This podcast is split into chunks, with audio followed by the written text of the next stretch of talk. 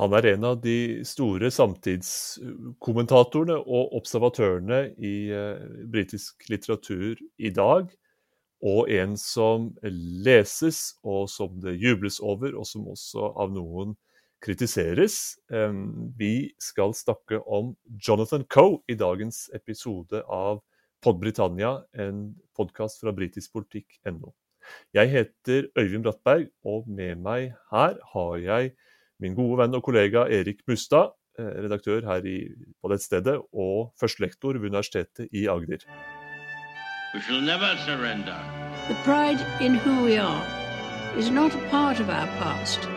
It defines our present and our future. The people of Scotland have spoken. England, Scotland, Wales, Northern Ireland, together, taking us forward, unleashing the potential of the whole country. Order! Erik, jeg tenker vi skal sparke fra ikke hos Jonathan Coe selv, men sette ham i et litt eh, sammenlignende lys helt til å begynne med. fordi før jul tok vi for oss Dick Hornby, en forfatter mange nordmenn har et, et forhold til. og Vi snakket om ham som en samtidskronikør og en som eh, spesielt var opptatt av eh, guttens plass i mannens liv og det å finne seg til rette i samfunnet i dag. og også hva slags omveltninger Storbritannia har gått gjennom de siste, siste tiårene. Det er ikke noe dumt eh, sted å eh, begynne for å snakke om Jonathan Coes forfatterskap. Og det er heller ikke helt forskjellig den bakgrunnen de to har. Eh, Jonathan Coe er omtrent like gammel som Nick Hornby, og har også en oppvekst og skolering som til forveksling minner om nevnte Hornby. Hva har du å fortelle om det? ja, Pussig du sa det, for det at jeg hadde skrevet ned her også at uh, vi burde snakke litt om Nick Hornby uh, når vi snakker nå om Jonathan Coe. For som du sier, så uh, kommer de på mange måter fra samme utdanningstradisjon. Coe har jo endog en, en ph.d. i engelsk litteratur, har undervist litteratur i, i Eh, i mange år. Eh, og har jo skrevet eh, og vært, og vært påvirka i veldig stor grad av mange av de samme temaene som Nick Hornby. og Her snakker vi om film, vi snakker om musikk, populærkultur. på, på 70-tallet, på 80-tallet kanskje spesielt. Så det som, det som, er forskjellen for norske lesere, er jo at Jonathan Coe dessverre ikke er oversatt til norsk, sånn som Nick Hornby er. Eh, men eh, vi vil likevel anbefale å hive seg på Jonathan Coes sine nokså lettfattelige vil jeg si, romaner. Fordi at han er veldig flink i sine beskrivelser, i sine karakterutviklinger. Eh, og mange har da referanse til film, til musikk og, til en, slags kultur som kanskje mange vil kjenne seg igjen i fra, Storbritannia på 70-, 80- og 90-tallet. Det er noe veldig fascinerende ved denne innfallsvinkelen til, til, til, livet. Altså det som kommer til uttrykk i et forfatterskap som, som Coe eh, representerer. Dette med å være eh, kjempeutdannet, ha, ha, vandret gjennom litterær teori og høytsvevende akademiske resonnementer, og samtidig være dønn opptatt av populærkultur, av musikk, av å forstå det som foregår omkring hjem. Ikke nødvendigvis i utgitte romaner og salonger, men i hverdagens eh, psykologi og, og, det som angår det mellommenneskelige, så vel som de litt større sosiale og politiske prosessene omkring en. Hvordan er det man griper an denne typen tematikk i, i Coe sitt forfatterskap, hvis du skal si noe eh, allment om det? Eh, generelt så kan vi kanskje si at han er veldig god til å balansere karakterenes søken etter en personlig identitet. Eh, en måte å eh, få et fullendt liv på. Hva skal til for å få et fullendt liv, og hva menes med å være suksessrik? Hva menes med å lykkes sosialt, lykkes politisk kanskje, lykkes økonomisk. Eh, med et bakteppe som til tider kan være utfordrende. Eh, med et bakteppe hvor eh, det er store endringer som, som skjer i det britiske samfunnet spesielt. Eh, og så favner man da om deler av populærkulturen som, som gjør at eh, vi hører på den musikken, vi ser på de filmene. Eh, vi omfavner den kulturen og, og, og, kunsten på den måten som vi gjør. Eh, som et slags forsøk på å utvikle seg selv som menneske. Eh, og Det syns jeg kanskje går igjen i veldig mange av hans karakterer. Både i denne triologien som vi skal prate litt mer om nå, som på en måte er en triologi, men på en annen måte ikke. The Rotters Club, The Closed Circle og Middle England blir sett på som, som en slags triologi eller en sekvens, på, på, sagt på en annen måte. Så jeg syns denne balansegangen her eh, mellom eh, det selvoppfyllende, identitetsmessige og dette mer dystre til tider politiske bakteppet eh, er en hårfin balansegang eh, som Jonathan Coe mestrer veldig godt.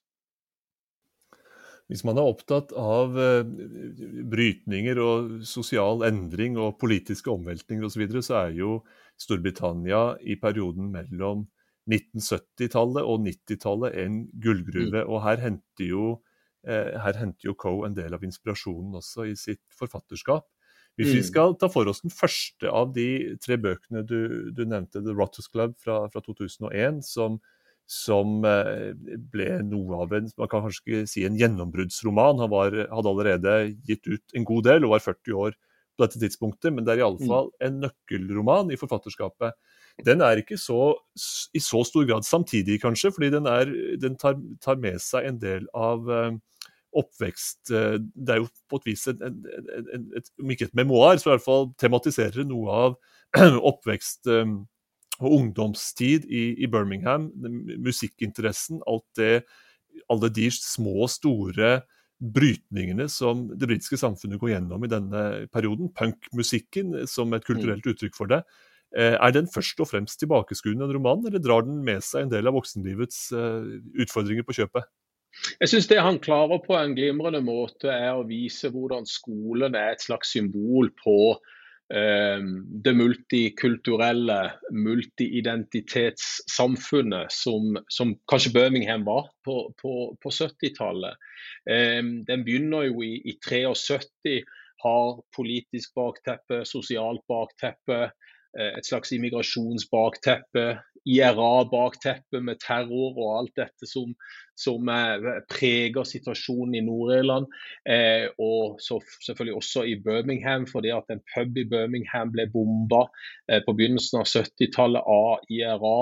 Eh, jeg syns han klarer denne lukka institusjonelle tilnærmingen på denne skolen, hvor disse ungdommene prøver å finne seg sjøl, prøver å utvikle sin identitet, er opptatt av musikk og film og veldig mange ting som, som ungdommer er opptatt av. Eh, dette speiler han da i denne brytningstida hvor den britiske økonomien går dårlig. Eh, vi ser at disse studentene jobber i bilindustrien. British Leyland nevnes flere ganger i denne romanen.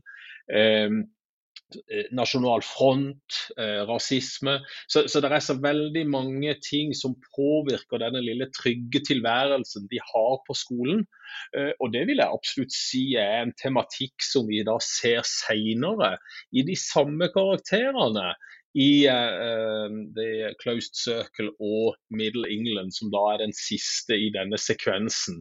Så han, han legger på en måte uh, ungdomslivet um, i den første boka eh, og klistrer dette ungdomslivet opp på voksenlivet, som da publiseres senere, men at man ser helt klare eh, utviklingstrekk og paralleller i det livet som de lever i Rutters Club, disse karakterene, og det livet de da lever i Middle England, som er såpass mange år senere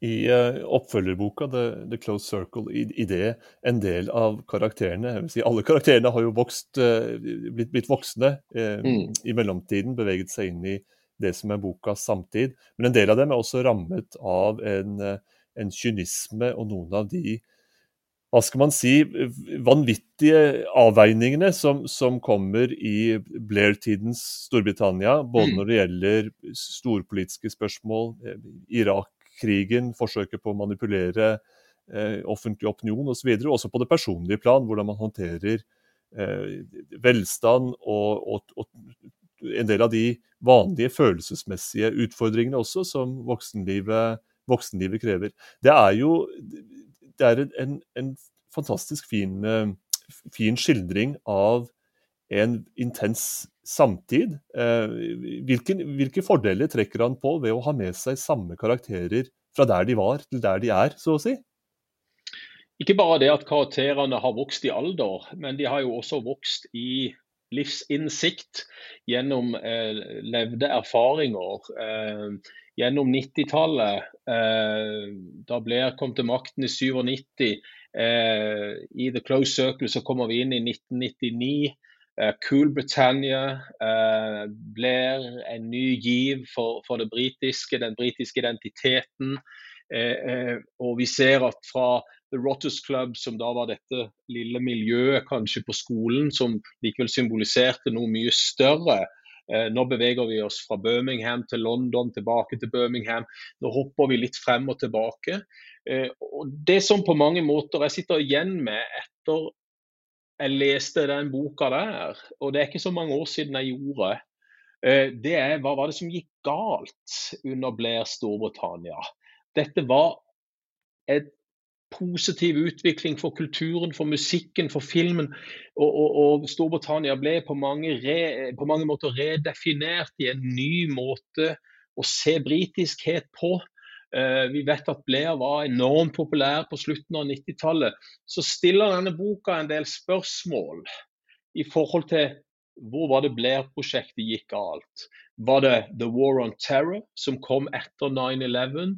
Var det Blairs måte å samarbeide med USA inn i Irak som var fallet? Vi vet det var det politiske fallet etter hvert for Tony Blair. Um, men jeg syns han klarer på litt sånn forunderlig måte, uten å si helt klart hva som gikk galt, at karakterene i seg sjøl bærer preg av, på hver sin måte, å kanskje lide litt under Blairs utvikling av Storbritannia eh, på slutten av 90-tallet og frem til 2003. og Der ender jo denne romanen også.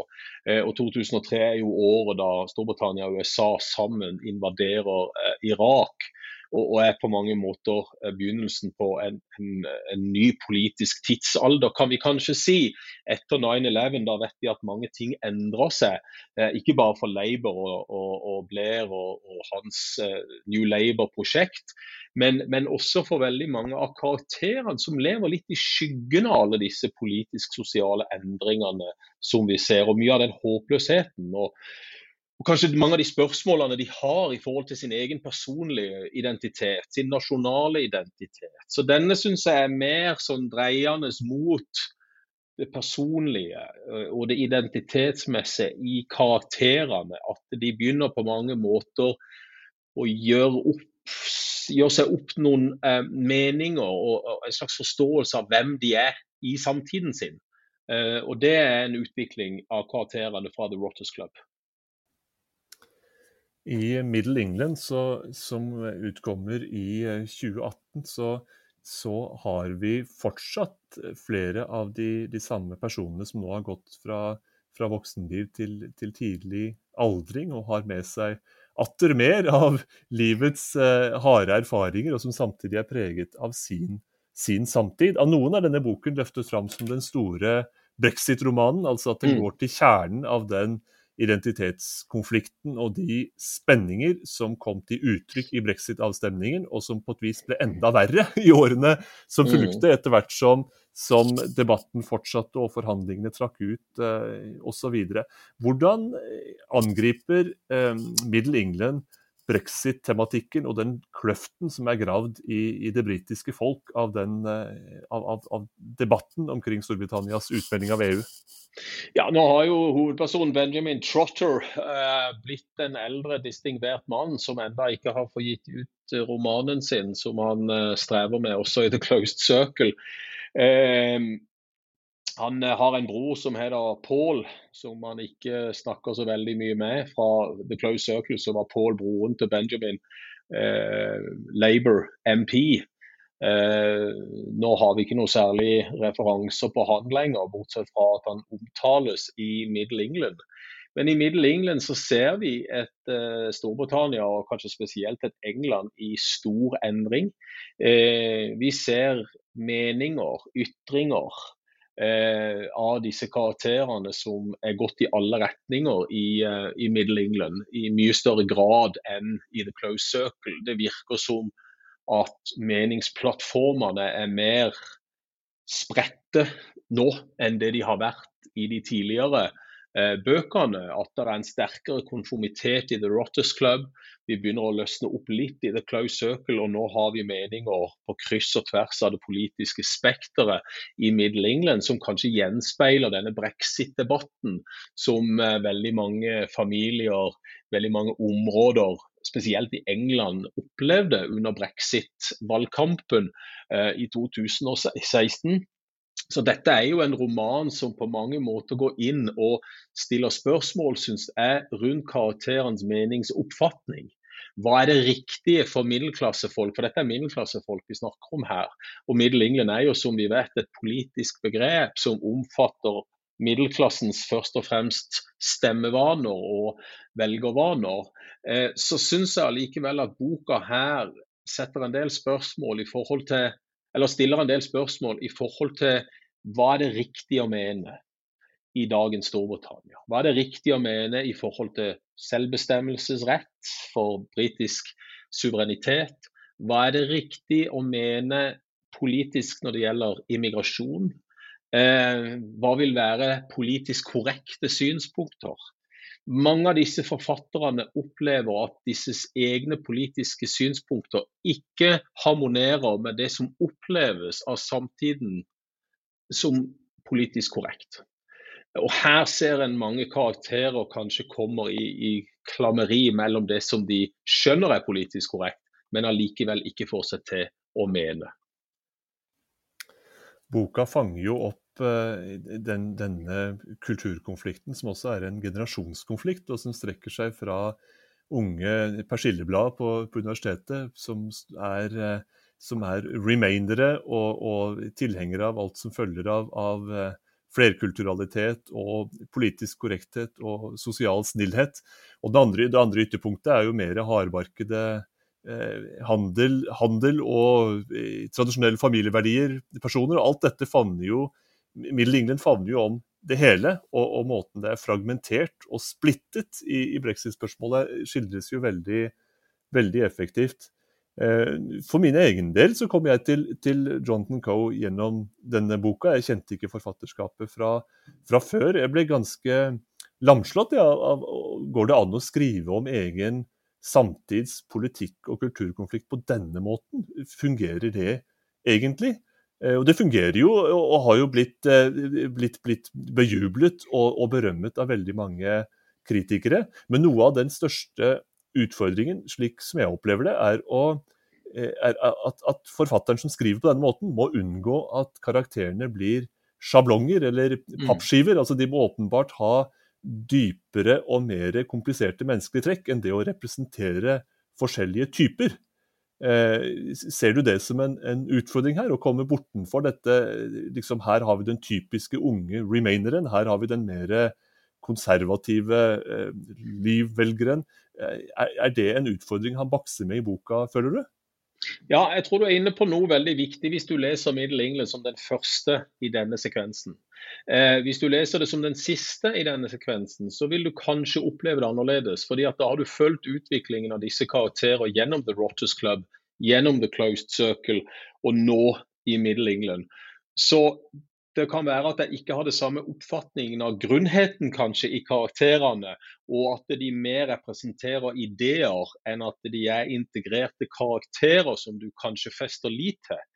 Ehm, for meg så hadde den skal vi si, um, nedgravde um, erfaringen fra de to første romanene, når jeg hadde med meg den inn i Middle England, så syns jeg det var lettere å se at de var helstøpte karakterer.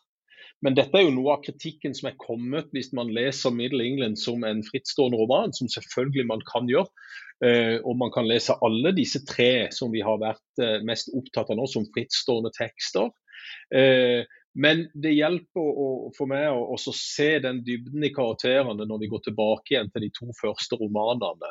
For Hvis ikke så har du nok et inntrykk av at romanen ikke gir plass til dybdeforståelse ene og alene i Middle England.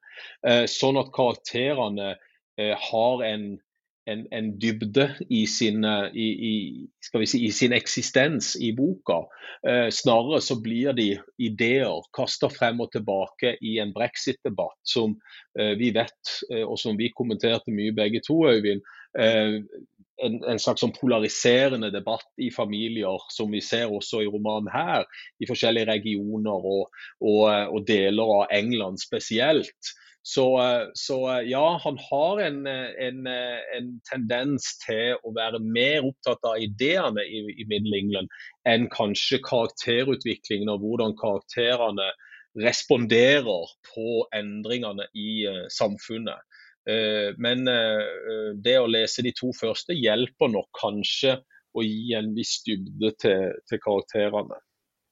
Han har jo også med seg noe av, av um, forhistorien fra de tidligere bøkene, og både når det gjelder Birmingham-bombingen, den politiske aktive eh, karrierer, livserfaringer osv. Noe av det som, som, man også slås av som, som leser, er at han, han har jo et veldig eh, sympatisk blikk for hvordan vi alle dels preges av erfaringer vi ikke selv er, er herre over.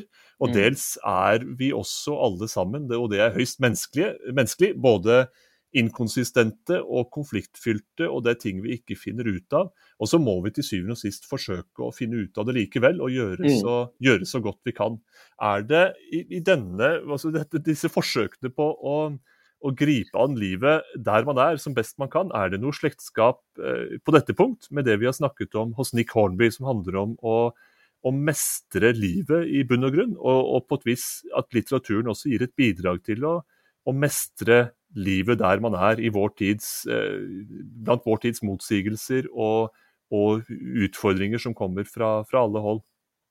Ja, Det tror jeg er en veldig fin oppsummering. fordi at Da tangerer vi inn på den ikonbyen. Og mye av denne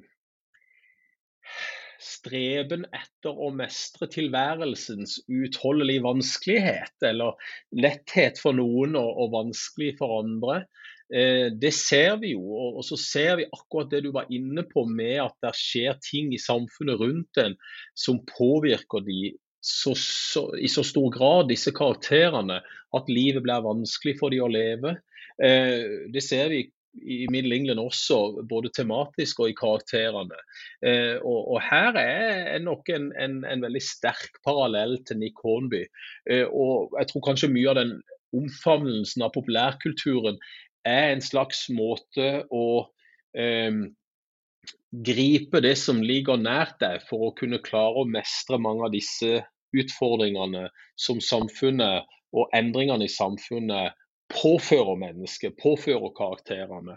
Eh, og, Det gjør at uh, denne tilværelsens utholdelige vanskelighet eller letthet, alt dette som, er prega både av det man aktivt kan gjøre sjøl for å utvikle seg, utvikle personlig identitet, nasjonal identitet, hvordan man ser på ting rundt dem. Men, men det sier også noe om at det nære, film, musikk, det populærvitenskapelige, det ligger der. Og det oppleves som en positiv kraft i veldig mange av disse karakterers liv. Eh, og Dette ble jo kalt eh, denne romanen 'State of the Nation Novel'. Eh, at han på mange måter tok pulsen på Storbritannia i, i, denne perioden som vi, vi snakker om rundt brexit-avstemningen og årene før brexit-avstemningen. Så, så, her er, det absolutt mange likhetspunkter til Nick Hornby når det gjelder karakterenes indre liv, deres søken, deres mismot, alle de vanskelighetene de møter, og hvordan de prøver etter beste evne å navigere i dette nokså brokete samfunnet. We shall never surrender. The pride in who we are is not a part of our past. It defines our present and our future. The people of Scotland have spoken. England, Scotland, Wales, Northern Ireland, together, taking us forward, unleashing the potential of the whole country. Order!